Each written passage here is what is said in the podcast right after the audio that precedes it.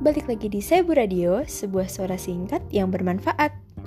Ayo, siapa yang selama pandemi ini suka ngerasain cemas berlebih nih? Jangan-jangan lagi ngerasain yang namanya insecure. Waduh, apa tuh insecure? Oke, kita bakal kenalan dulu ya sama rasa insecure nih. Jadi rasa insecure ini adalah suatu rasa cemas, terus juga rasa takut gitu ya, keraguan ataupun tidak percaya diri yang kita rasakan. Dan sebetulnya bisa banget dirasain oleh semua orang bahkan kalau misalnya kita ngeliat nih ada orang yang kayaknya wah dia kayaknya percaya diri banget nih.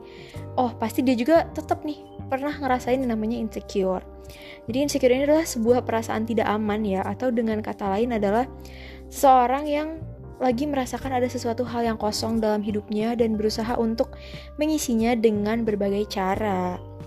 Tapi insecure ini normal banget ya untuk terjadi karena uh, emang semua orang ini pasti pernah punya yang namanya rasa takut ataupun rasa cemas.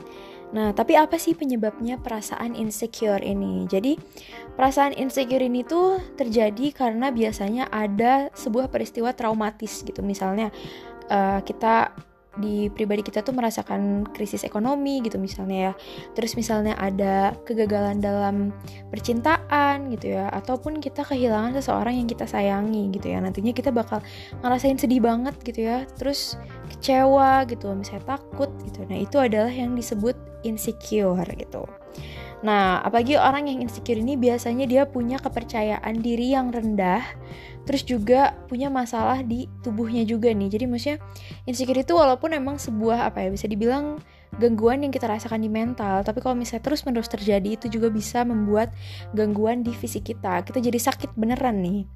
Nah, terus kita harus mengenal juga nih ada beberapa faktor yang emang bisa memicu terjadinya rasa insecure. Kayak misalnya yang pertama adalah kita takut akan kegagalan dan penolakan nih. Walaupun sebetulnya kegagalan dan penolakan itu adalah sesuatu yang wajar ya. Dalam hidup kita itu memang kita harus bisa mengambil risiko kegagalan ataupun penolakan.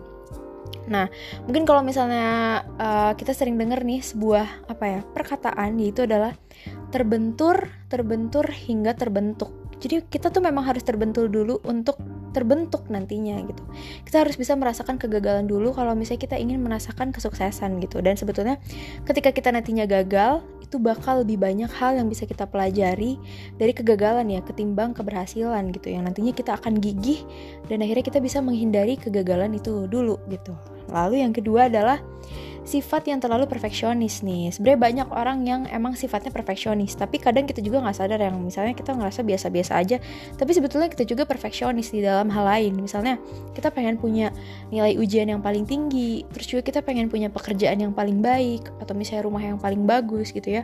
Intinya kita pengen uh, hidup kita tuh ideal banget gitu. Nah tapi balik lagi nih, sayangnya hidup itu tuh gak selalu menjadi seperti apa yang kita inginkan ya. Walaupun misalnya kita udah bekerja uh, ekstra keras gitu ya tapi ternyata ekspektasinya tuh uh, gagal gitu. Hasilnya tuh tidak sesuai ekspektasi kita gitu. Terus akhirnya kita kecewa nanti kita akhirnya menyalahkan diri sendiri karena misalnya ada sesuatu yang kurang sempurna gitu ya. Nah itulah yang nanti akan menjadi salah satu faktor untuk memicu rasa insecure kita gitu. Lalu yang ketiga adalah kurang percaya diri karena kecemasan sosial gitu. Nah misalnya kita ngerasain kalau aduh kayaknya nggak punya temen deh, atau misalnya kita ngerasa gak ada orang yang emang bisa ngobrol nyambung sama kita gitu. Nah kita harus ngeliat juga nih lingkungan kita apakah udah cocok dengan kita, apakah kita uh, masuk di circle sosial yang betul atau yang salah gitu ya.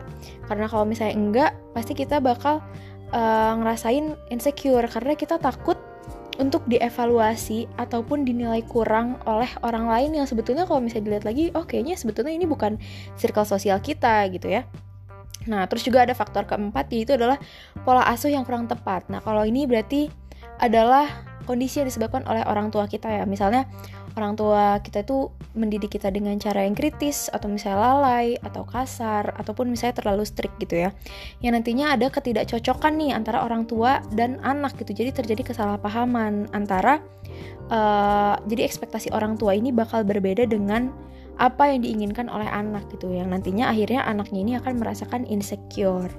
Dan faktor yang terakhir adalah kalau misalnya seseorang ini adalah korban bullying. Nah sebetulnya bullying ini udah kerap banget terjadi di mana aja ya walaupun uh, online pun sekarang tetap aja nih ada yang namanya cyberbullying gitu. Apalagi kalau misalnya kita masih anak-anak gitu ya.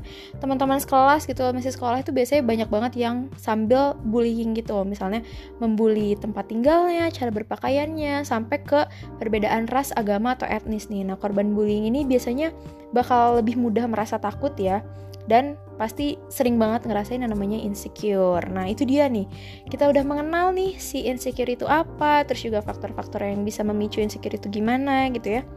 Nah, sekarang adalah cara mengatasi insecure. Walaupun kita udah ngerasa ini kayaknya, waduh kita kayak lagi insecure nih. Oke, okay, tenang aja karena ada beberapa cara yang bisa mengatasi rasa insecure kita.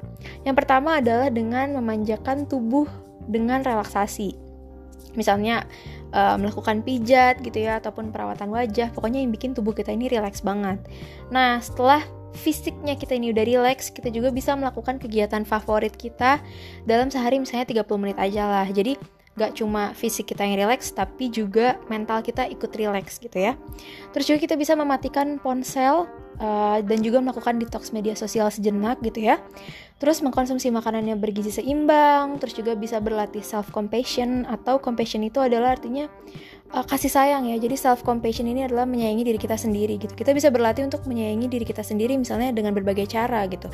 Uh, bisa dengan berbicara dengan diri sendiri gitu atau uh, mengingat-ingat hal apa sih yang kita suka dari diri kita sendiri gitu ya. Terus juga kita harus bisa memastikan uh, kalau kita tuh tiap harinya makan secara teratur, tidur tidur waktu yang cukup gitu ya. Dan yang terakhir adalah dengan menghabiskan waktu dengan orang-orang yang terdekat atau tersayang ya karena bisa membantu menghargai kualitas dan perspektif unik dari diri Anda. Nah, itu dia serba-serbi tentang insecure uh, jangan sampai nih kita bisa ngerasain insecure lagi dan cintai diri sendiri. Saya Bu Radio, pamit.